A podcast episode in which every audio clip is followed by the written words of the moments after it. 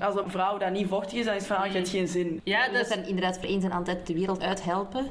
Dus je moet er dan gewoon zien dat er een tube of een bus of whatever glijmiddel klaar staat. Dat je laat zien, kijk, ik heb wel zin, ik heb eraan gedacht om glijmiddel te voorzien.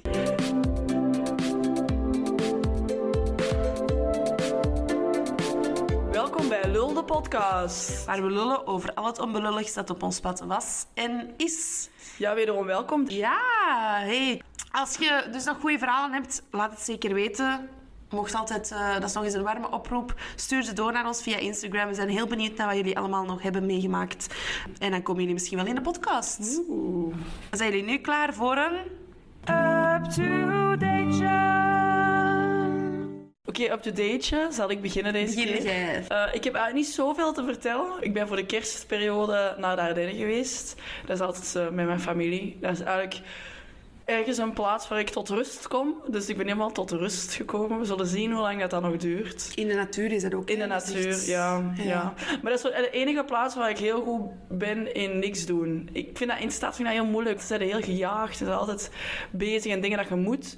En daar ben ik heel goed in. In een zetel zitten en een boek lezen. Dat is omdat je ook echt in een stad leeft, in het centrum, waar alles ook leeft. Ja, ja. Ook Ja. zo de FOMO. In de Want- stad heb je heel veel FOMO. Voilà, maar bijvoorbeeld tijdens corona vind ik dat het goede voorbeeld, want dan, moest, dan was de stad gewoon stil. En dan lukte het ook wel om zo even de eerste, Ja. eerste lockdown dus, wel echt niks te doen. Ja. Omdat het is Maar voelde- gewoon de stad die dat maakt dat je een soort stress ervaart. Maar ook, ik voel mij vaak ook schuldig als ik niks doe.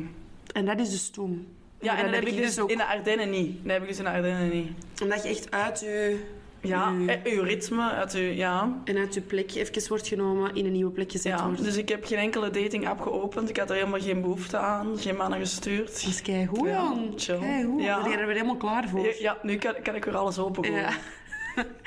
en ik had dus, om daar even op aan te sluiten, ik had filter vorige week afgegooid. Is het er nog steeds af? Het is er niet nog steeds af, sorry. Het heeft er wel vijf dagen af geweest of zo. En dan dacht ik, ik ga eens even helemaal terug vanaf scratch nul beginnen. En Een nieuw profiel een aangemaakt. nieuw profiel aangemaakt. Ja, ik ben er heel neutraal over of zo. Als je zegt filter af, is... Maar Tinder en Bumble en zo stonden nog wel op. Of... Nee, Tinder staat er echt al maanden niet meer op. Ah, En ja, daar is eh, ook echt Bumble niks op. echt niks actief op aan het doen. Ah, oké. eigenlijk. Dus het was wel al vijf dagen niks van dating apps. Ja, ah, misschien, dat is ook wel een up-to-date. Ik ben vorige week op date geweest met iemand. Och. Had je nog niet verteld? Nee. Via Bumble. Met iemand op date Ah, geweest via Bumble. En ehm, Ik heb het wel verteld ik heb wel verteld. En dat was op zich wel eh, een leuke date. Maar niet echt zo... allee, Ik voel niet dat er iets meer in zit of zo. Maar uiteindelijk hebben wij dan wel interessant gebabbeld over de podcast. Want dat was dus de man waar ik nog niks over had gezegd over de podcast. En dat ik zo zei van, ik wacht wel tot de eerste date. En dan hebben we erover gepraat. En hij had echt wel zo wat interessante inzichten of zo. En een van de inzichten is bijvoorbeeld dat hij nu bewust heeft gekozen om niet met vrouwen seks te hebben waar hij niks voor voelt. En dat kan bijvoorbeeld ook wel casual zijn, maar hij moet iets van connectie Ja, met die vrouwen voelen. En dat vond ik wel interessant omdat ik dus heel hard heb gemerkt na mijn celibataire periode dat ik eh, heel hard terug... Ja, van 4,5 denk ik. 4,5. En dat ik dus heel hard in, terug in het systeem van ehm, mannen en casual seks zat. Terwijl ik ook wel bij mezelf had gezegd van oké, ik wil dat eigenlijk niet per se echt. En dat ik daar nu zo, dat ik daar zo terug in gegooid werd. En dat dat misschien wel interessant was als een soort reminder. Dat hij dat zei van oké Judith, eh, misschien moeten we terug, een stapje terug doen. En inderdaad ook wel zo met mannen waar je een connectie mee voelt. Daar pas seks mee hebben. En dan moet ik mij dus wel off the field gooien.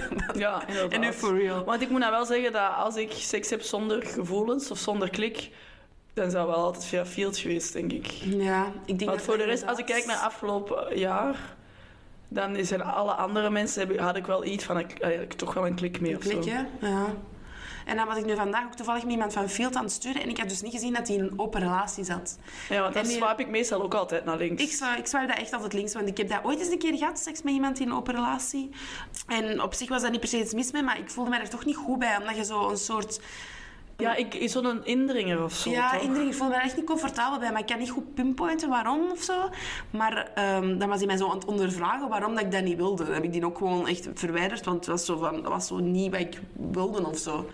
Eh, vorige week was ik, naar de, was ik uitgenodigd door Charlotte van How to Be Single om eh, naar de afterparty van haar singles events te komen. En dat was dus op een vrijdagavond, dus ik was daar binnengekomen. En ik werd daar heel warm onthaald. Het was echt heel fijn om zo met, allee, met iedereen dat er was zo wat gesprekken te voeren over... eh, ja, ze waren dan uiteraard ook allemaal single. Over eh, ja, wat ze allemaal hebben meegemaakt. En ik heb er toch al wel, toch een paar zotte verhalen gehoord. Die nog ingestuurd moeten worden. Ja, de het. lulsteraars. Daarna zijn wij dan nog eh, gaan café hoppen. En uiteindelijk zijn, ik in de, zijn wij in de beland. En dan was mijn beste vriendin ook nog gekomen. Maar dat is niet onze plek waar wij echt heel graag uitgaan. Maar ik heb me daar wel geamuseerd.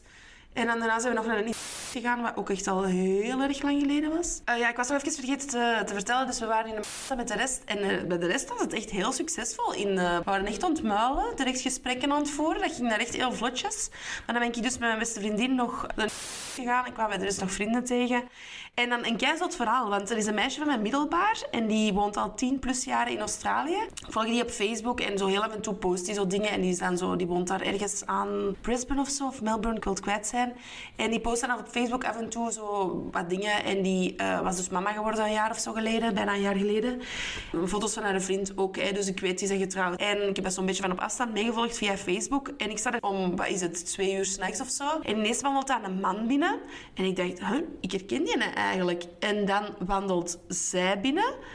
En dus die waren gewoon van Australië, waren die de, voor de tweede keer in zoveel jaar tijd naar België afgereisd. En die wandelt daar dan in die binnen. Amai, maar dat jij al zo lang niet meer bent geweest. Inderdaad, maar ook gewoon kei toevallig. En die zeiden ook van, ja, dat is de eerste keer in zoveel tijd dat wij alleen iets doen. Maar ik was echt zo van, maar dit is zo raar. Je woont aan de andere kant van de wereld en nu zit jij hier. Huh? Dus eh, ja, dat was wel een zot verhaal. Vind ik altijd wel tof. Ja, dat was wel echt heel tof. Was Ja, als dat niet iemand is waar je geen seks mee gaat, zeg. Nee, nee, inderdaad. Nee. Gewoon middelbaar mee gezeten. Dus ja, het was eigenlijk echt, eh, echt een toffe. Ja, tof weekend eigenlijk. Niet te veel mannen. It is Ja. what it is. Ja, dat is, maar dat is wel eens goed. Ik ben echt fan. Even geen mannen of geen dingen. Nee. Ik moest wel denken, ik was... eh, want dus voor de vakantie, dan is zo de kerstperiode op het werk. En eh, omdat wij dan in de Gazet van Antwerpen hebben gestaan, is, eh, er zijn er wel wat mensen op mijn werk achtergekomen dat ik een podcast heb. Die dat niet mee te koop. Dus ze zullen zien na het kortsverlof wat dat voor mij denken op het werk. Maar reageerden ze goed? Ja, maar in principe weten die niet wat... Nee, die denken gewoon, ah, Michi heeft een podcast. zal wel tof zijn. Ah, maar die die, weten... gaan, die gaan niet luisteren. Ja, die weten niet over wat dat je. Ik heb ge- gezegd dat ik tegen ons moeder heb gezegd. Je moet luisteren, je moet niet judgen. Nee, en je mag het er niet over hebben? Ga je dat ook vragen? Ik kan denk ik wel lijnen trekken. Want ik kan anders zo... Ik weet hoe dat ik zin, hè. Dan laat ik me weer meeslepen in van die discussies Ja, aan, jij het, moet- aan het middagmaal. Eh, en dan deel ik weer te veel. Dat gaat een oefening zijn voor 2024. Ik ga de grens daar niet moeten Mijn. Ja, ik ga dat hetzelfde moeten doen. Ja, ik denk dat wel. Ja, maar het was wel heel cool dat we in de gazet stonden. Ja. Hoe zalig was dat? Ja. was echt heel, Heel tof leuk. interview ook. Allee, ik heb wel veel positieve feedback gekregen over het interview zelf. Ja. Dus dat was heel fijn. Het is goed gegaan voor de podcast. Ja. Allee, het gaat even goed met de podcast en dat is heel fijn om Ja. dat te mogen Daar zijn we heel blij mee. meemaken. En de vrienden die ons helpen, echt dikke merci. En eh En dan kunnen we nu een aflevering maken met nieuwe gasten. yep, die gaan we zometeen voorstellen. Het is tijd voor een one-night stand puntje. Een eh, spannende aflevering wederom, want we hebben nog eens gasten. Twee gasten van de podcast Fuffelari. Iedereen gaat die podcast luisteren. Het is echt een goede podcast. En wij zitten hier dus met Rosalie en Lotte. Hallo, Stel je maar eens voor. Ja, hallo, ik ben Rosalie.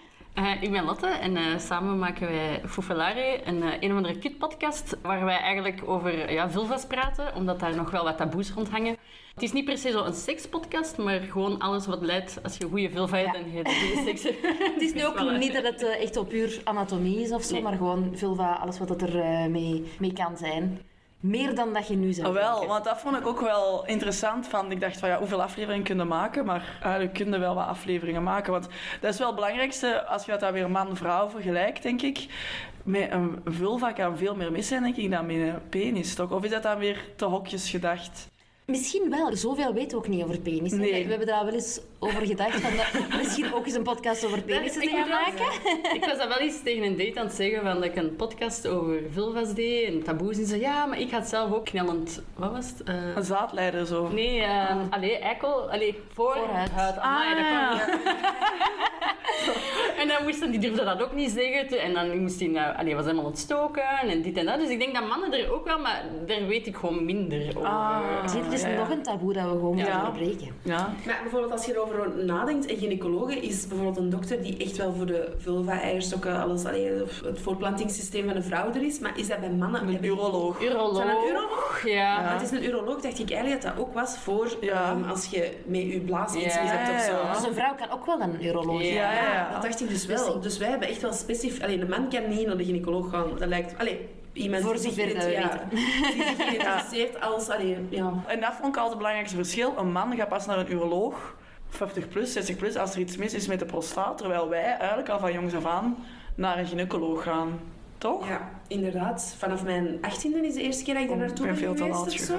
Ik hoorde dus heel toevallig van een vriendin van mij die in Nederland is opgegroeid. En dat was echt een maand geleden of zo. En die is 32 en die is ook nooit naar de gynaecoloog Nee, maar Ja. ja. daar, is de, daar is de grens veel later om uh, te Ah, wel, beginnen, maar beginnen ook, gaan, Eh, inderdaad. ze hebben daar ook een beetje een ander zorgsysteem. En ik heb zelf ook vroedkunde gestudeerd. En heel veel mensen gaan daar naar vroedvrouw bijvoorbeeld. Vroedvrouwen kunnen ook uitstrijkjes afnemen. Huisartsen trouwens ook. Ik ben ook pas laat toen ik echt ehm, mijn koperspiraal heb laten steken en naar de gynaecoloog geweest. Omdat ik ervoor dat altijd bij mijn huisarts laat doen. Eh, als je daar goed bij voelt, dan mag dat daar ook.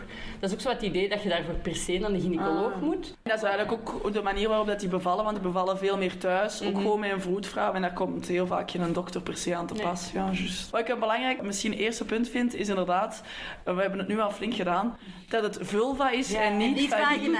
Ja, ja, misschien onze luisteraars daar ook nog eens bewust van maken. Kunnen jullie dat nog eens even uitleggen?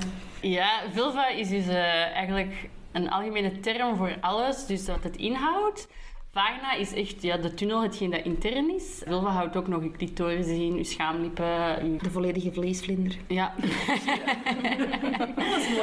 en dan zijn er nog mensen, oh, waarom mocht jij nu niet zeggen? Ja, dat is ook omdat je gewoon juist de benaming, dat is, dat is geen Ja. fout woord. Alleen zo van...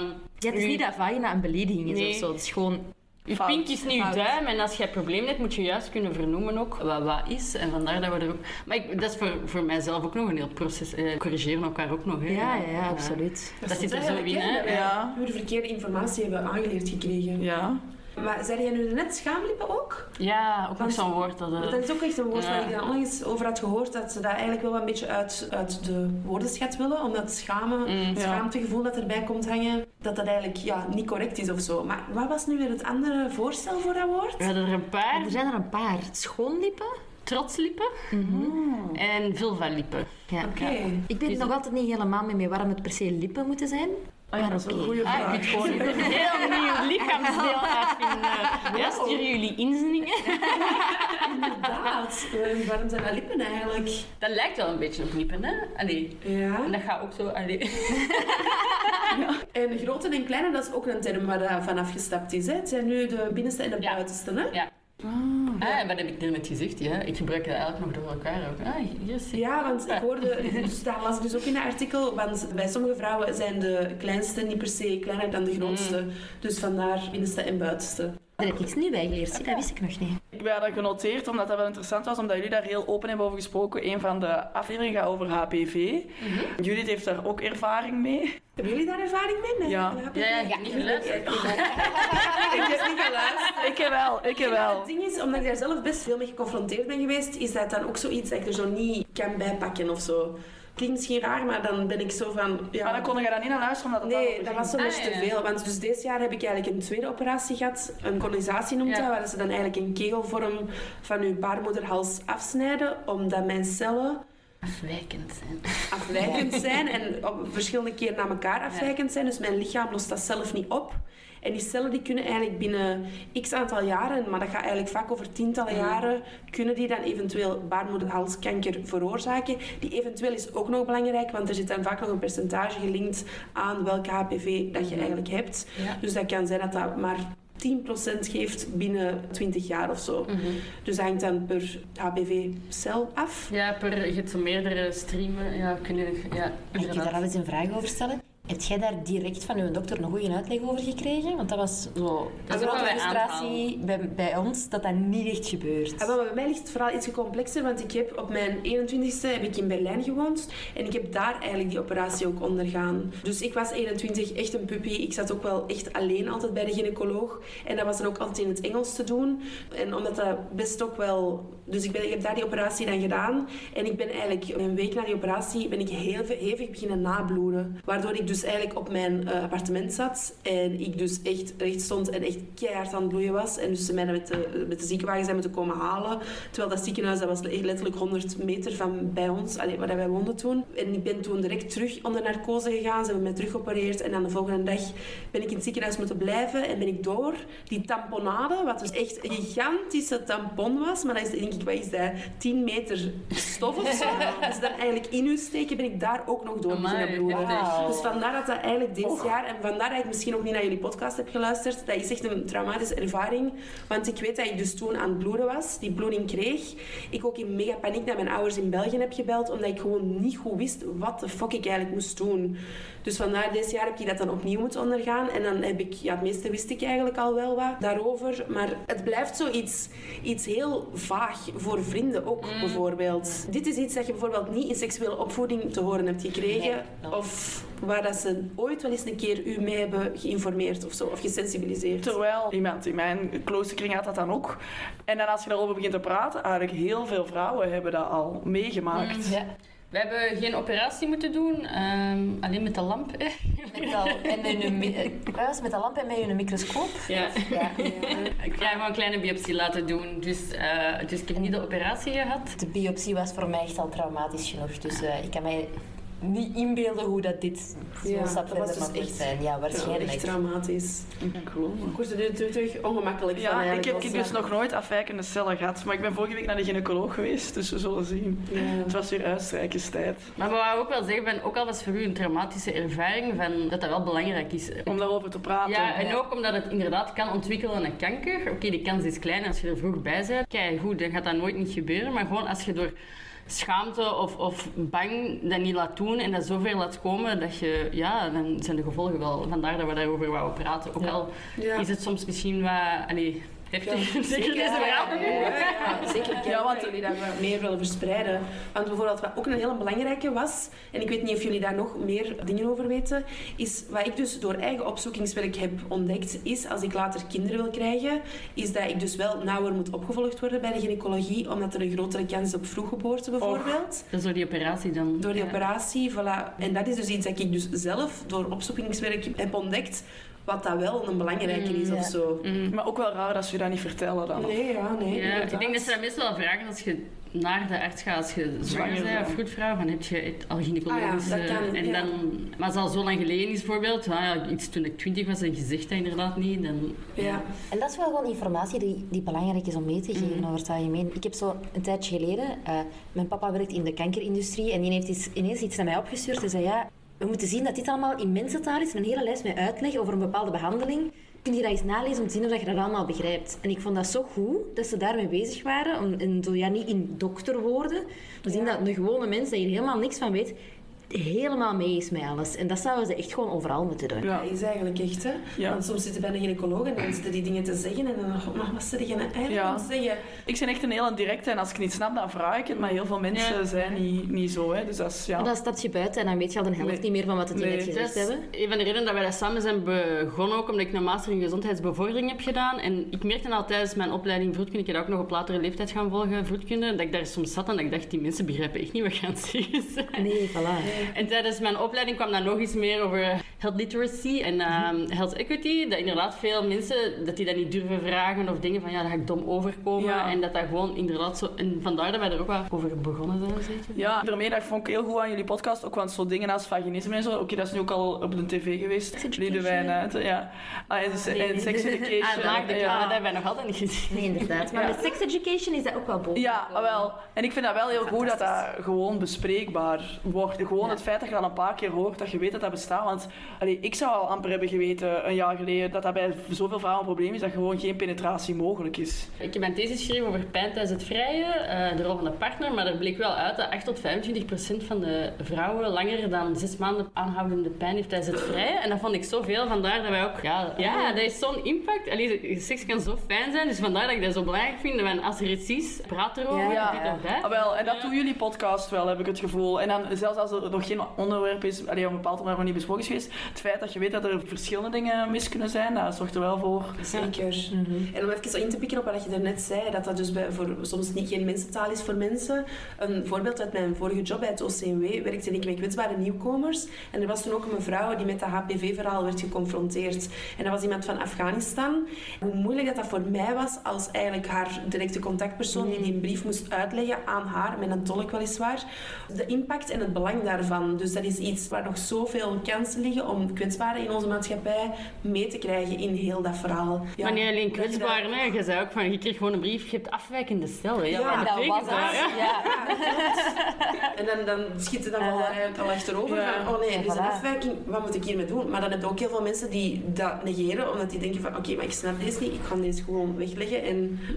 Maar ja, Ja. Dat is echt, eigenlijk is dat heel zot als je erover nadenkt, hoe dat, eh, ja... Ja, want ik had ook een vriendin, oh, ook afwijkende cel, die was helemaal in paniek. Die was bijna het wenen tegen mij. Van, ik zo, wow, wow, je hebt nog geen kanker. Allee, zo, maar die was echt al zo... Wel, ik was heel blij dat ik op die moment inderdaad al wist van meerdere andere vriendinnen van mij dat dat ook hadden gehad. Daar gewoon even naar kon bellen van, hey, stel mij even gerust. En dat hielp wel. En dan was ik heel blij dat ik effectief met veel vriendinnen open genoeg ben om daarover te praten, over zo'n dingen. Ja. Maar ja, want ik, ik heb eens op een verjaardag gezeten en ik denk dat wij met acht vrouwen daar zaten. En ik was de enige die nog nooit eh, HPV of afwijkende cellen had gehad. Dus het is eigenlijk heel normaal. Maar als je dan zo'n brief krijgt, het is niet normaal of je bent niet normaal, zo komt dat over. Dan slaagt je in paniek natuurlijk. Ja, HPV is ook gewoon een virus dat meestal op zijn eigen weg gaat. eh, dus gelijk een andere ziekte dat je soms kunt hebben. Dat is een eh, beetje je lichaam dat dat eigenlijk aanvecht, toch? En dat dat oplost. Ja, alleen dat kan gewoon daarom dat dat een speciale cel is aan je eh, baarmoederhals. Maar we zijn er heel diep in. Ja, hè? Dan kan die dat DNA, of moet ik dat zeggen, een beetje aan... Waardoor dat het zich gaat muteren en kanker kan ontwikkelen vandaar. En bij mannen, hoe is dat verhaal bij mannen? Die kunnen dat doorgeven, hè? Ja, en die die kunnen ook keelkanker het schijnt kan Ah, krijgen. Ja, dus als die veel eh, orale seks... Maar wij ook, hè? Ja, ja. Er is een piek in keelkankers door de orale seks door HPV, hè? Ah, dat is door HPV. Ja, volgens mij wel. Of is dat niet door HPV? Ja, ik dacht dat... Allee, voordat ik... eh, ik dacht dat ook, maar ik ben niet... Ja, ik ben ook niet 100% zeker. Maar wel me- maar, eh, meer keelkankers door eh, orale seks in ieder geval, sowieso. Ja. Dat is echt Ja. een ding.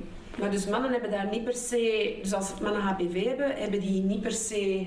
Tenzij dat die orale seks... Nee, die kunnen wel HPV hebben. Eh, dus gelijk, HPV kan ook een vratje zijn, dat is ook HPV. Dat is gewoon Ja. een andere soort. Want er zijn heel veel verschillende HPV's. Ja. Dus die kunnen even hoe genitale vratten zijn, volgens mij ook Ja, dat HPV. ook HPV. Dus dat kunnen mannen dan ook wel weer hebben.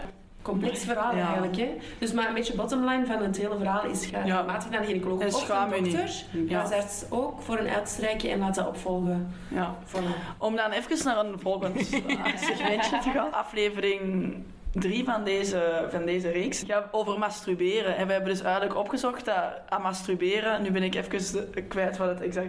Dat dat ook een heel mannelijk woord was. Ah ja, Ja. in Zweden hebben ze daar een ander woord Ah, wel, voor. Een dus woord. ja. Omdat al in de podcast een paar keer inderdaad Ja. bezig bent geweest over andere woorden, hè, voor, voor dan of voor...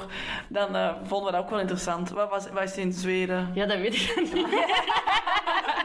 Want nu, Ik had nu was, of voor, dan kon ik dat nu zo cool uitleggen. Maar... nee, maar het komt er inderdaad op neer dat masturberen inderdaad opwinding van de man is opwinding van het mannelijke Van de penis. Van de penis, Ah, ja, ja. ja. Van het Latijns. Ik vond het ook geen mooi woord, dus... eh, Gemuseren. Nee, oké. Maar was het dat? Moet ik het even Nee, opzoeken? nee, het was echt een woord dat je niet... Je kunt het opzoeken, maar het is niet iets dat wij gaan herkennen. Het is Zweeds. Ja, Ah, dat is wel Zweeds. Ja. Dat is weer typisch, die Zweden lopen weer voor, hè. lopen weer voor op die dingen. Maar daar mogen dus ook inzendingen voor komen. Ja. Ah, wel, inderdaad. Ik ben al benieuwd. Ah, ik vond het een interessant onderwerp, waar dat ook misschien een taboe rond is, is vochtproductie. Dat dat niet altijd iets zegt over opgewondenheid, maar ik vind dat wel interessant. hè. Omdat ik denk, als vrouw, als je seks hebt, en dat mannen ook wel soms op hun tenen zijn getrapt, als een vrouw dat niet vochtig is, dan is van, ah, je hebt geen zin. Ja, dat zijn inderdaad voor eens en altijd de wereld uithelpen. Dus je moet er dan gewoon zien dat er een tube of een bus of whatever glijmiddel klaar staat. Dat je laat zien, kijk, ik heb wel zin, ik heb eraan gedacht om glijmiddel te voorzien. Ah, dat Niks mis mee. We hebben nog een eh, aflevering met Imke en zij spreekt daar ook over. Zij had ook heel veel pijn tijdens het vrijen en dan is wel opgelost geraakt. Maar zegt, door die dingen wordt hij altijd heel moeilijk nat en ze vindt dat ook heel lastig. En dat met mensen die je pas kent of zo, van ja, ik heb wel zin, maar ja, we moeten glijmiddel gebruiken. Hoe breng ik dat aan? En ik denk dat inderdaad dat gewoon dat taboe ook wel wat weg mag. En iedereen is daar verschillend in. Allee, je hebt eh, mensen die dan meer te nat worden, blijkbaar ook. Dus dat kan ook gebeuren. Eh, of die van gewoon heel Wat snel gebeurt er dan als je opgewonden. te nat? Nee, gewoon heel snel opgewonden. Allee, dat je... Ja, dat je Ja. gewoon zit en dat je... Van uw stoel. Ja. Ja. Dat is inderdaad Oké. wel te nat, dat is Ja. niet zo handig. En klopt het ook dat, die, dat dat vocht eigenlijk een soort zweet is? Want Dat heb ik ik eens een keer ooit Oh, gelezen. Maar, ja, ik weet dat dus niet 100% zeker, maar ik had dat gelezen en ik vond dat opmerkelijk. Toen ben ik dat onthouden. Maar ja, op zich gaat dat sowieso vocht uit je lichaam. Hoe definieer je zweet en hoe definieer je andere Ja. buiten bloed? Ja, nee, dat is waar. Dat is eigenlijk gewoon een vocht dat je lichaam aanmaakt. Ja. Ja. En wilt verlaten of zo? Dat is wel niet zo zout, denk ik. Wild verlaten. Ik zou er geen deo voor gebruiken in elk geval. Nee, want dat is dus heel slecht, hè? Dingen met geuren en alles, ja, daar hebben we ook al meer keer in je gezegd. bag, dat lijkt me heel slecht. Ja, inderdaad. Gewoon niet doen. Vooral gewoon proberen het geen andere geur te geven dan de, de normale geur. En wassen met water. Ja. Niet met zo, want dat was toch wel een nee. ding vroeger, Ja. dat zitten Ja. toestanden. Ja, allemaal nee, dat is echt bullshit. Ja. Ja. Want ik had dus er straks ook een gesprek met een vriendin en ik was zo aan het denken van, ah, wat wil jij nog weten over de vulva? En ze zei van, ja, afscheiding. Als vrouw heb je witte afscheiding. Mhm. En ik denk dat dat ook te maken heeft een beetje met je cyclus, waar dat je in je Mhm. cyclus zit. Wat ik bijvoorbeeld dus heb, is dat dat bij mij soms periodes echt veel is. En dan zo Ja. weer een tijdje weer niet. En dan dat dat heel hard Maar switcht. of volgens mij is dat vlak voor mijn regels meer. Dat is één je hormonen, inderdaad, waar je zit in je cyclus. En aan de andere kant is dat ook gewoon zelfreinigend. Dus als daar, ik weet niet, een microben of zo, of dingen, dat dat ook wat meer gaat. Dus dan kun je ook meer afscheiding hebben. Dus dat, is wel een, dat kan van alles zijn. Je moet je alleen maar zorgen erover maken als het echt, echt een geur begint te hebben dat abnormaal is. Of een consistentie dat je echt normaal gezien niet hebt. En wij zijn nu toevallig gevraagd op een V-fest in Leuven. Oh, er is in maart of april. Oh, daar willen wij ook heel graag Ah, voilà. Dat, dat, dat was een paar weken geleden ja, ook, in? Mechelen, ja. Dat van in Leuven. Om te modereren en het gaat juist Over over, afscheiding, afscheiding. ja. En dat is wel tof, want dan gaan we met iemand die echt inderdaad met de cyclus bezig is en een gynaecoloog. En wij moeten gewoon modereren. Ja. Dus wij weten er Ja, inderdaad inderdaad, wij zijn niet de, experts. Dus ik zou zeggen, kom allemaal naar Ja, daar als je ja. nog meer daarover wilt weten. Ah, ja. Dat is drie dagen van 4 tot 7 maart in Leuven dus. Dus de website VFest. We zullen het in de show notes En wij gaan bij de afscheiding eh, zitten. We komen zeker eens piepen. Dat is super interessant. Dat is ook weer zo'n manier van taboe rond alles rond intimiteit, seks Ja. heerst. En normaal gaat dat ook opgenomen worden, dus zullen we dat erna ook Ja, nog... en tegen dan gaan we veel meer weten over afscheiding dan we nu weten. Oké, want dat is dus ook een heel interessante, want daar is ook zo weinig informatie over gegeven. Maar dus in principe kunnen we concluderen dat de vulva, ik kwam bijna vagina Eh, ja, zelfregulerend is. Absoluut. Ja. En vooral niet naar bloemetjes moet ruiken. Maar, Maar ook wel een neutrale geur. Ja, ja. maar. maar, Het heeft een geur, maar als het je denkt, deze is raar, of dingen... Ja, Vooral als dus het ineens anders is Ja. dan, maar dan alhoewel, doorheen niet de maand bedoeling. verandert dat toch ook een beetje, niet? Ja, waar je in je cyclus zit, kan Ja, ja, dus wel het mag wat veranderen. Maar het is ja. echt als het zo, hè, wat- wat zo typisch is, ah, maar die stonk naar vis. Dat is gewoon, ja, een, een- welke infectie is dat nu weer? Dat is Misschien typisch dat dat misschien was. wel Bacteriële infectie. Bacteriële, dat, Dat is nu niet... kei toevallig. Ja. Ik had er straks dus met mijn vriendin over, ik heb dat dus twee jaar geleden eens een keer gehad. En dus de schimmelinfectie is iets dat, Ah, dat veel vrouwen wel eens een keer hebben Ja. meegemaakt en dat je vaak als vrouw ook wel voelt. Maar ik heb eens een keer een bacteriële vaginose gehad en dat was dus nieuw voor mij. En dus ik ben naar de dokter gegaan omdat dat dus een geur had van vis. Voilà. Ah, maar dat voelde voor de rest niks. Ja, dat voelde ook gelijk een schimmelinfectie, vond ik. Maar dus met die geur heel kenmerkend die erbij kwam. Oh. En dan moest ik daar ook wel, denk ik, een soort... Nee, medicatie insteken.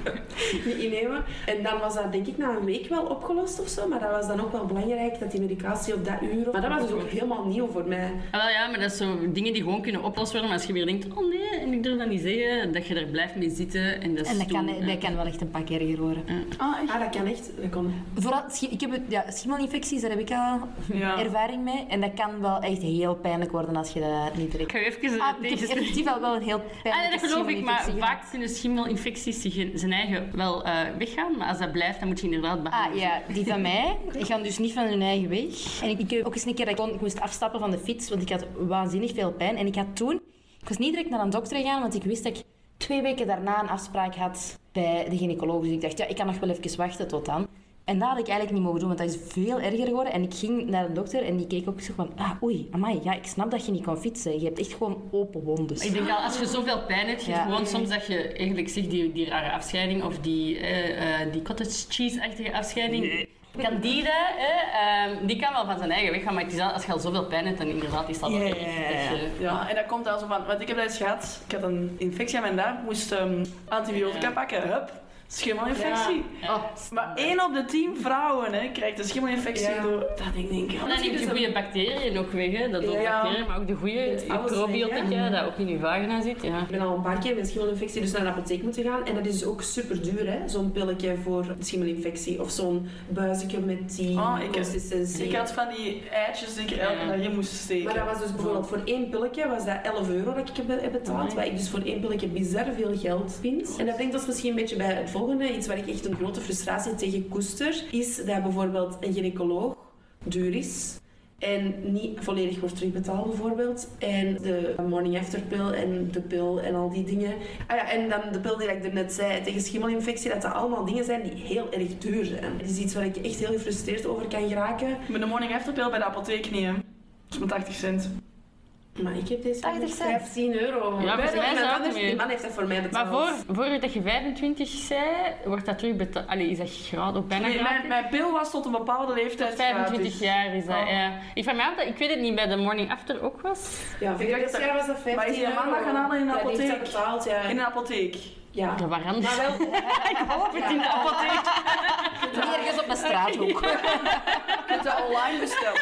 Oké, maar dat klonk zo apotheek. Ja, zo. Ja, ik dacht dat dat veel goedkoper was. Het is gewoon soms een beetje bizar als je, want bijvoorbeeld wat ik de afgelopen tien jaar al heb uitgegeven aan gynaecologen, is echt bizar veel. Omdat ik regelmatig moest opgevolgd worden, die check-ups, die operaties. Dat zeg ik ook in de Oh HPV. God, ja. Dus zeggen ze krijgt een brief hè, dat je moet gaan voor eh, je uitstrijkje. En dan is dat gratis, zo gezegd. Maar eigenlijk wat alleen gratis is, is je arts of die het afneemt. Maar dus als je afwijkend in de cel hebt, moet je dat labo betalen. Ik zo, oeh, ik moet hier altijd zo die labo, dat is pas duur. Dat vind ik ook Dat echt is schandalig. Ja, maar dat is ook een rekening dat je dan later krijgt. Hè? Want ik ben nu vorige week naar de gynaecoloog geweest. Er was aan alle kosten eraf 40 euro dat ik alsnog moest betalen. Maar dan over een maand krijg ik alsnog die labo. Ah, wel, ja, dat is Ja, nog eens 30 euro. Ja. Dus dat is echt... eh, ja, en als je dan zo opgevolgd moet worden, inderdaad. Ja, inderdaad. Als alles in orde is, dan valt het nog mee. Maar vanaf dat je iets van issues hebt, dan betaalt je echt blauw. Echt, ik heb de afgelopen twee jaar...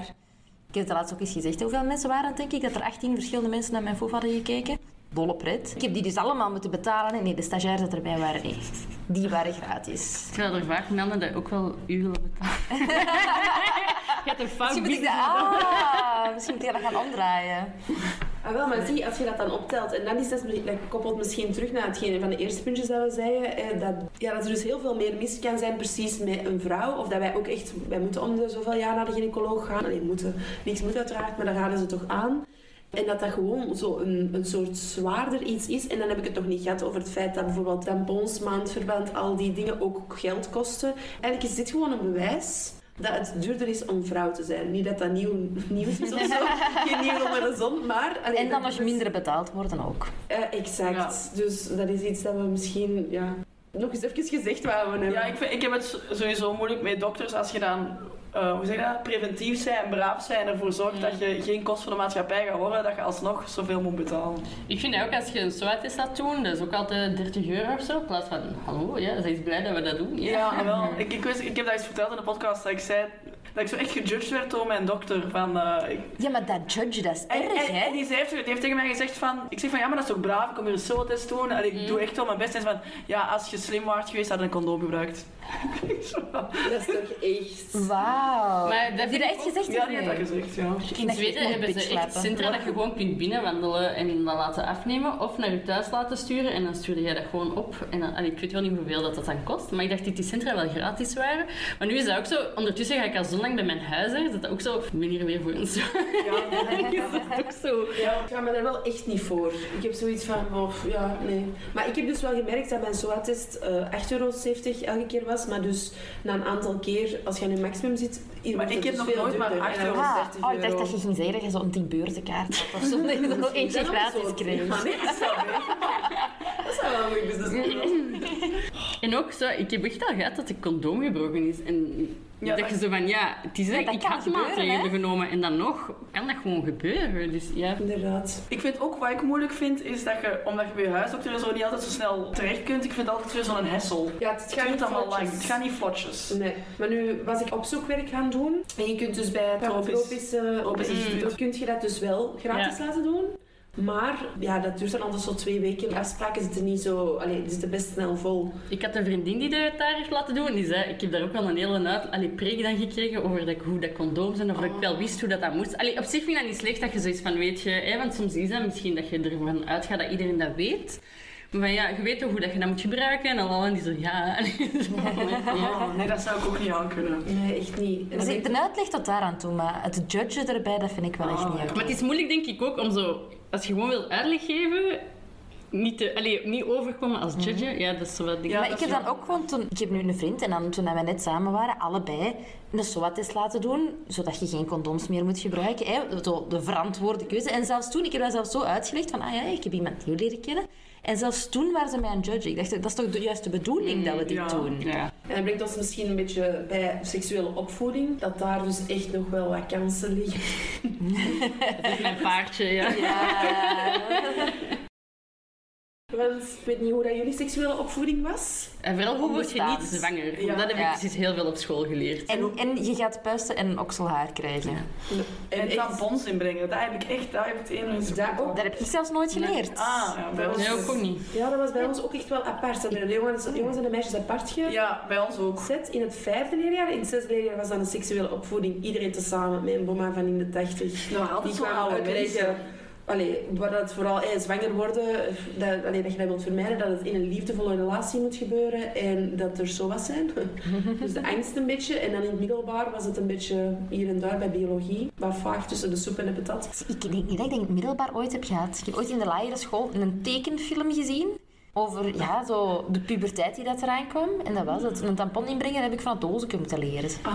In En middelbaar, zo trial and error. Ja, ja, want dat is ook geen evidente... Dat bij biologie, maar zo heel ja, wetenschappelijk, hè, hoe dat een kind gemaakt wordt en dit en dat. En dan nog eens ergens van alle anticonceptie precies. Maar dat was- Ja. Ik heb heel veel over SOA's geleerd. ja, en Allee. niks over genot. Nee, Nee, zeker. En, Nee, dat heb ik geleerd van Sex and the City. Een goede manier van seksuele opvoeding.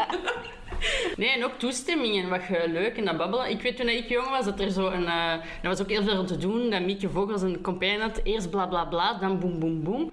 Maar ik snap, allee, zelfs ik was de doelgroep en ik was niet helemaal mee. Zo, ja, tuurlijk gaat het toch even babbelen. Ik denk dat ze eigenlijk van, het is nodig dat je weet waar dat je... Allee, maar dat kwam er niet helemaal uit als 13-jarige toen of zo. Ja, en dat komt, en wij zijn dan vaak bezig over het feit dat je meer bewust moet bezig zijn van wat dat je tof vindt in bed. En dat is ook wel dat je meekrijgt als je het leert van eh, tv-series of zo, dat iedereen hetzelfde leuk moet vinden. Ja, en ik dacht ook heel veel over seksuele opvoeding. Ik, ik was 14 of zo en mijn vriendinnetjes keken wij naar porno. Hè. Dat was nieuw, eh, internet, eens kijken. En je dacht ook dat dat het was. En dan hoorde ik ook van een vriend, toen dat een vriend van hem eerste keer seks had, dat hij klaargekomen was in dat meisje naar gezicht, omdat hij dacht dat dat zo moest. Omdat dat altijd in de porno zo was. Dus dan denk ik ook wel, mensen zijn sowieso nieuwsgierig. Ben ik ook even gaan zien. En toen ik jong was, weet ik ook nog dat er een man zijn hoofd met een badmuts in een vrouw haar vagina stak. en ik en mijn vriendinnetje, ja, waren echt zo 14, zo... What the fuck, is deze normaal? Alleen maar, ja, dus vandaar dat ik keihard pro ben van seksueel opvoeding te geven. Gewoon om zo wat de... Wat is normaal? Wat... Allee, allee, niks, allee, als je iedereen oké Ja, daarmee ja. is, maar. Ja, ja. Als je een Dat is badmuts een wilt keibelangrijke- opzetten, ja. Dat is al een kei belangrijke boodschap. Hè? Maar dat was vroeger al. Ik ken ook nog zo'n verhaal van in de Joepie. Want in de Joepie werd er dan, was er zo'n rubriekje over dat je je vragen over seks kon insturen. Seks en zo? Was dat seks en zo? Nee, dat was Ik- misschien in de girls. Dat dat Die zat zo vroeger in de fancy en mijn moeder was zo... Ja, en, dat dus, en dan was er ook eens een keer een vraag van een, de meisje, een, jongen die, een meisje die dat stuurde, want ze had seks gehad met haar eh, vriend. En die had eigenlijk dus haar niet in haar ja, vagina gepen- gepenetreerd, maar eigenlijk in haar navel. Ja, nee, heb ik ook gehoord. Is dat niet zo'n urban legend vandaag? Misschien dat het is gewoon. Wacht, hè, maar we hebben domme meisjes diepe navels. En dat is omdat ze domme vriendjes hebben. Ja, Maar dat is inderdaad wel, dat kan wel een urban legend zijn. Ik heb dat wel... In mijn tijd was er een bevroren frikandel. Dat was zo de urban legend. Ah, of een knakworst. Een knakworst. Ja, ja, dat heb ik ook zo gehoord. En dat ze die dan kwijt waren. Ja. Ja, maar als je dan zegt van die badmuts, ik weet niet, dat vind ik toch nog wel, eh, met een badmuts erin gaan duiken. Ja, pas op, dat heb jij Dat is niet gezien. hè. Nee, nee, te Ja, nee jong. Zie je wel, maar dat is Had echt- dan een heel klein hoofdje? Dat is 20 jaar geleden. Ik weet het allemaal niet meer, maar gewoon, dat was echt zo. "En Wat gebeurt hier? Ja. En misschien dat dat zelfs haar aan is. Ik weet het niet meer, maar anyway, het was heel raar. Ja. Maar bij sommige mensen inderdaad creëert dat verwachtingen, maar bij andere mensen misschien juist eerder trauma's. En dat je dan seks op een bepaalde manier nooit meer Ja, en porno is ook heel mannelijk genot, vind ik. Ja, ja, hè? ja. Maar ik denk ook wel dat dat ook een boodschap is die heel veel vrouwen meekrijgen. Dat wij zijn heel hard voor, ja, wij willen ook een orgasme en dat is belangrijk. En ik, en ik leer dat te vragen van een man, ook al is dat casual seks. Maar ik denk dat er heel veel mensen seks hebben en dan denken van het is normaal dat ik niet klaarkom. Mm. Ik weet dat eh, sommige mannen, ik, zo, ik ben nog niet klaar en dat die er dan zo oeh en dat. Allee, zo. Ja, dat vind ik dus echt degoutant. Hè. Dat Ja. is echt zo... Maar ik heb al eens gezegd, er zijn echt wel mannen waar als ik daar seks mee heb, of het zit er niet in, als het er niet in zit, ik voel soms het zit er niet Ja, in. soms het is leuk en het is zonder orgasme. Allee, maar het was wel heel leuk. Allee, Ja, ja, ja. ja. Er is wel een lijn tussen. Ja, het, een orgasme hoeft niet altijd deel te zijn van seks. Nee. Ook niet. Maar de man mag wel een beetje moeite doen. Ja, want ik zag dat jullie dat ook gepost hadden. Eh 96% komt klaar van masturbatievrouwen. 96% van mannen komen klaar tijdens masturbatie. En dan zo 96% van mannen komen klaar tijdens gewoon penetratieseks. En dan zo 6% hoeveel? Dat is echt heel weinig. Wauw. Ja. Dat was echt eh, heel erg weinig. Want dat is toch ook een beetje... Ik las ik dus onlangs, maar ik weet nooit van waar ik die dingen haal. Ja, dat is Ik heb ergens gelezen.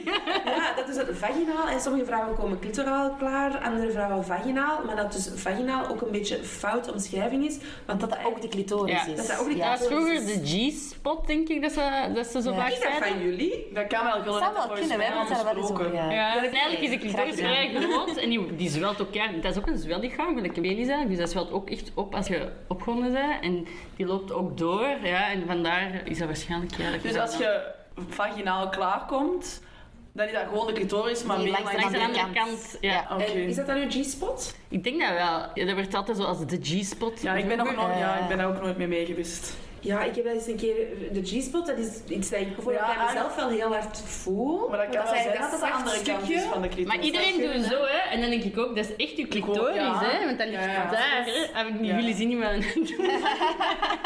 Misschien moeten we een foto van iemand die die beweging doet uploaden. Maar ik vind ook als mannen zo dat, dat, dat is de beste manier. Dat is de beste manier, ja. En die weten helemaal niet wat we bedoelen. We zijn de beweging. Hoeveel vrouwen dat, dat waarschijnlijk voordoen.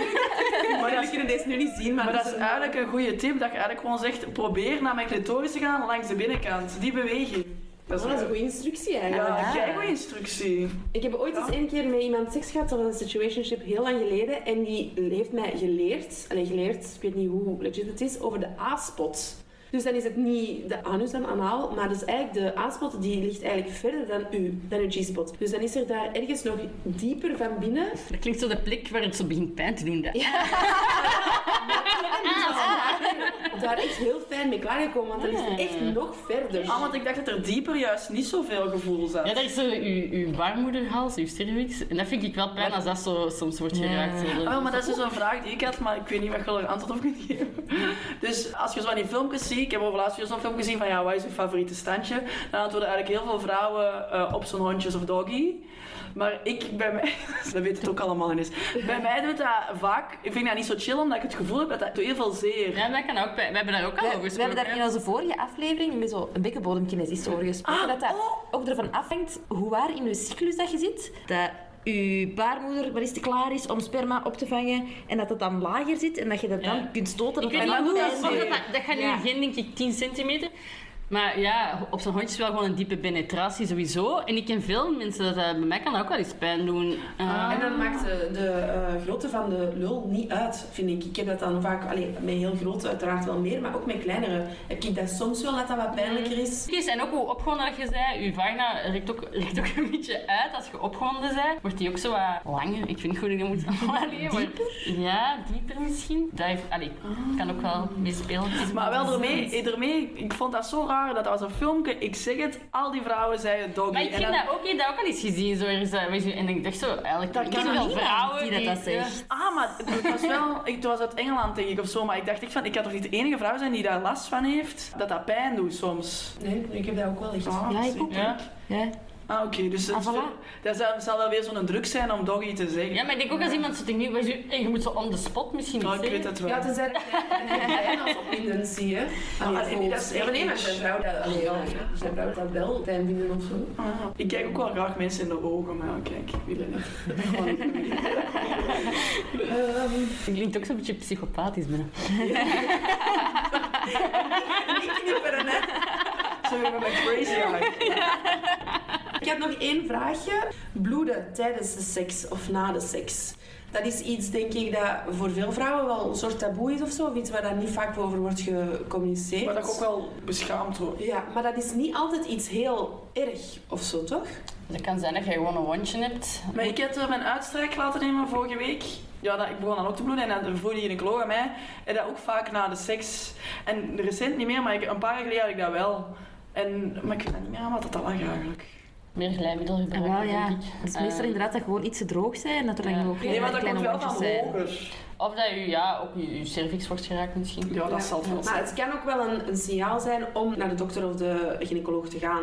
Want dat was bijvoorbeeld ook een reden waarom dat ik vorig jaar naar de gynaecoloog, nee, huisarts ben geweest. Om nog eens te laten doen, waardoor die HPV eigenlijk uitkwam.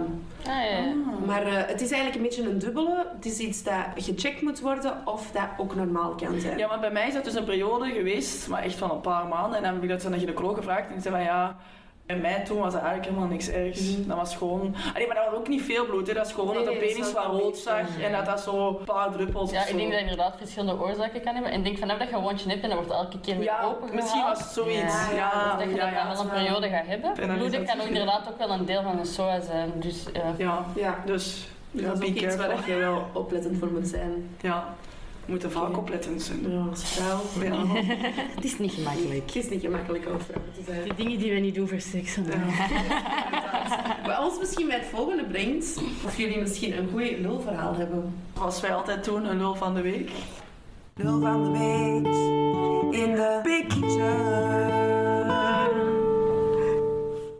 Een tijd geleden was ik eh, aan het reizen door Midden-Amerika en Colombia. En in Colombia en Cartagena had ik een heel leuke jongen leren kennen vandaar. Maar wij konden toen, omdat het carnaval was in Cartagena, mochten wij niet in elkaars hostels en dit en dat. Er was er niks gebeurd, maar hij woonde in Bogota en ik ging sowieso nog naar Bogota. En ik was daar met twee andere vriendinnen. Dus twee weken later waren wij in Bogota ondertussen heel te liggen seksen, heel de, allee, al heel veel eh, opgebouwd. Maar het was ook de laatste avond van een van die vriendinnen, want zij ging naar Argentinië doorreizen en ik ging eh, een week later terug naar huis. Dus we gaan feesten, heel de avond al, lekker vibe, het was heel plezant. Ik kan niet wachten tot straks eh, we samen zijn in onze hostelkamer. Eh, eindelijk terug in de hostel. Ja, die vriendin die dan naar Argentinië ging, eh, dat was een Zweedse. Die zei, oh nee, we ben ik nooit meer van mijn leven gaan zien. Het was kei leuk. Allee, dronken. eh, nog helemaal moeten troosten, in bed gelegd, dit en dat. Uiteindelijk zijn wij op onze kamer. Jee, eindelijk eh, weer bezig. En ineens voel ik overal nat. En nat, en dat is alleen. En we doen het licht aan en er is keiveel bloed. Overal bloed. En zo, ah, van waar komt dat, van waar komt dat? En hij had blijkbaar ja, iets op zijn hoofd juist laten weghalen. Een vlekje, denk ik. En maat, maar dat bloeden, dat stopte maar niet naar bloeden. En ze uiteindelijk nog naar, eh, terug naar het ziekenhuis om dat terug te moeten laten dichtnaaien. En, Vind ik eh, u wel braaf dat je meegaat. Ja, ja, ik weet niet, ik vond Ja, ik wel... ja, dat kan misschien dat ik dat zo wel meedoen in de flow van ja. Ja, ja. Die dat- was, ook, die was ook zo... Die was zelf zo... Die was dan even in de badkamer en dan was hij zo in het Spaans tegen zijn eigen bezig. Oh, oh, oh. Ik zei, het is oké. Zo. Ja. En was er dan nog een happy ending daarna? Ja, ja, ja, ja, ja. En ook zo de volgende ochtend, die vriendin die aan het wenen was. Oh, sorry, ik heb je mega gekokblokt. Ik zo... Oh, deze is nog niks. De avond is nog veel langer doorgegaan. Is in het ziekenhuis geëindigd. Ik heb ook echt zo een beeld dat jij zo helemaal bebloed in het ziekenhuis bent Ik aangekomen. denk dat ik mij wel heb gedoucht. Allee, of snel even de proper gemaakt. Dus het is niet dat, eh, dat je nog kleren aan had die dat helemaal vol met bloed gingen. Nee, nee, dat ik je zo heel dramatisch ik, eh, binnen het ziekenhuis hebt gegaan. Oh my god. Nee, dat is echt echt wel Ja, heftig. voilà. Ik denk dat het lulligste... Goeie, goeie lulverhaal. Ja. Heb jij nog een lulverhaal? Ah, wel, ik kan er zo niet direct op in opkomen. Sorry. Dat is, Nee, niet dat is erg, oké. Maar dan moet het maar eens insturen en dan zal het Ah, een keer aan wel. iemand voorleggen. Ik kan er best diep over nadenken. Er moet er sowieso wel ergens in zijn. Oké, en dan eh, rest ons jullie te bedanken voor jullie komst. We vonden het heel tof. Weer veel bijgeleerd. Ja, super interessant. Echt waar. Ja, dus eh oproep aan alle luisteraars om zeker ook naar Fufalari te luisteren. Echt al veel bijgeleerd. Ja, je zult het zeker op onze Instagram zien verschijnen. Dus. Ja, en in de show notes. We zien ons te hebben. Ja, dankjewel. Lulverhaal van de luisteraar. Lulverhaal van de luisteraar. Oké, oké. We hebben hier echt een goed verhaal, een sappig, juicy Ik ben verhaal. benieuwd. Oké, dus ik ga het beginnen voorlezen. Ik was deze zomer in mijn hot girl era, na een relatie van 17 jaar. Op Bumble las ik de volgende oproep. We are two good friends looking for an interested, attractive woman to share some exciting moments with us. The 23rd and 24th of September, we are in Brussels. Oh. Dat is al spannend, hè? Zou jij daar rechts swipen? Ehm, ik denk... eh, ja, nee, niet echt, denk ik. Ik zou misschien, als ik een trio heb, daar niet per se met Vreemde. twee mannen en onbekende mannen doen of zo. Ah, oké. Ja, zwart. Nee. Ik, ik ben altijd wel intrigued. Dus ik zou misschien wel rechts swipen, maar de kans dat ik terugtrek op het laatste moment is bestaan. Dat snap ik. Het is, het is intens. Het is intens. Ja. Mijn nieuwsgierigheid was geprikkeld, dus ik swipe naar rechts en het is een match. We sturen een paar korte berichten heen en weer, waaronder enkel foto's van de mannen in kwestie. Ik vond ze allebei best knap, dus ik dacht, let's do this. Vanaf het begin hield de organisator het allemaal heel mysterieus.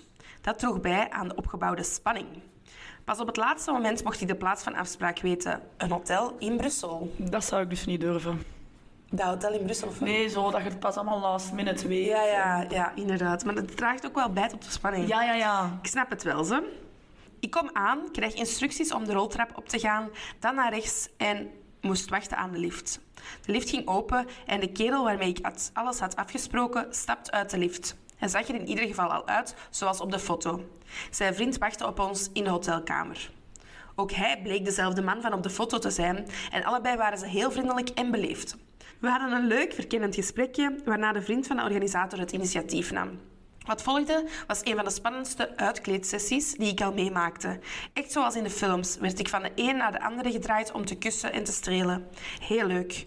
Ook daarna was het best gezellig, al was het duidelijk dat ze geen interesse hadden in mijn genot. Achteraf ging Geen? Geen, nee. Achteraf ging iedereen om de beurt douchen en hadden we nog een leuke babbel in bed. Ik ging zonder orgasme, maar met een heel fijn gevoel naar buiten. Weer een nieuw avontuur beleefd. Enkele dagen daarna ben ik op een app Field aan het chatten met een andere man die mij vraagt naar de laatste keer dat ik seks had. Dat, is echt zo, dat is echt een vraag die vaak voorbij komt op Ah, Field, vind ik. Ja, dat is mij eigenlijk wel veel gevraagd. Hè? Vaak is dat dat ze dan zelf willen zeggen dat het eh, nog niet zo lang geleden is. Ik vertel kort over de twee Duitsers op zakenreis en aanvankelijk denkt hij dat ik het aan het uitvinden ben. Het gesprek valt iets daarna stil. Enkele dagen daarna stuurt diezelfde man mij plots terug een bericht met daarin... Drukke mensen, je Duitsers. Ik ben met iemand aan het praten die ook bij hen is geweest.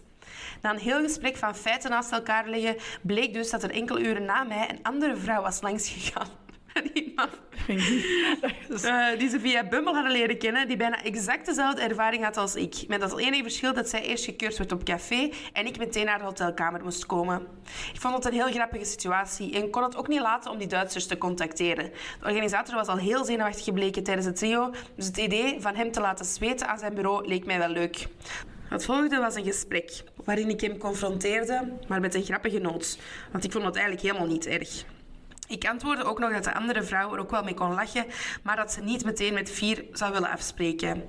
Hierna verwijderde hij zijn Bumble-profiel, want hij was blijkbaar toch een beetje op zijn tenen getrapt. Onze twee afspraken waren zaterdag, maar ze bleven tot zondag. Benieuwd of er nog afspraakjes waren, maar we zullen het waarschijnlijk nooit weten. Tenzij de vrouwen naar de podcast luisteren die dit verhaal herkennen. Voilà, dat was het. En we waren allebei het meest aangetrokken tot de onderste man, terwijl ik dat op de foto niet had gedacht.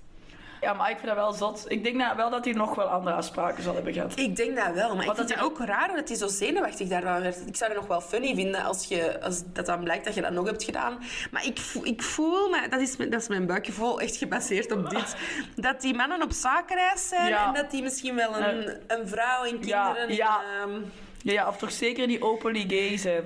Ja, in hun hometown, inderdaad. Dat dan ook. En in hun hometown toch wel nog iemand hebben zitten die best niet weet wat er aan het gebeuren is. Jawel, zo voelt dat voor mij ook. En ze heeft de, ja, de foto's zijn ook doorgestuurd. En ik zou ook denken, de bovenste man, maar dus de onderste man, ja, die heeft ook nog wel iets. Eh, ja, ik moet wel zeggen, het zijn eh, geen lelijke mannen. Nee. Dus- Nee, inderdaad. Zeker niet, zeker niet. Ja, ik vind dat wel een avontuur. Ik weet dus niet goed of ik dat zou durven of zo. Maar ik, eh, omdat als je zegt van ja, ik wil geen trio met onbekende mensen. Ik weet niet of dat een trio met bekende mensen beter is. Ja, als je daar zo één iemand van kent of zo. Ah ja. Maar dan zo Maar dat- ah, iemand dat- waar dat je wel al eens seks mee hebt of zo. En, En dat er die kent en dat er dan iemand bij komt. Zo. Oké. Ja, dat, ja, dat is... Ja. En dat is zo wel dat je... Dat die persoon ook wel gevouwd wordt door die andere, dat iedereen elkaar kan vertrouwen. Ja, zo. inderdaad. ja. En dan eh, merci om te luisteren weer al. Merci voor het delen, lieve luisteraar. Ja, en dan zien wij jullie volgende week nog terug. Ja, tot volgende week. Doei!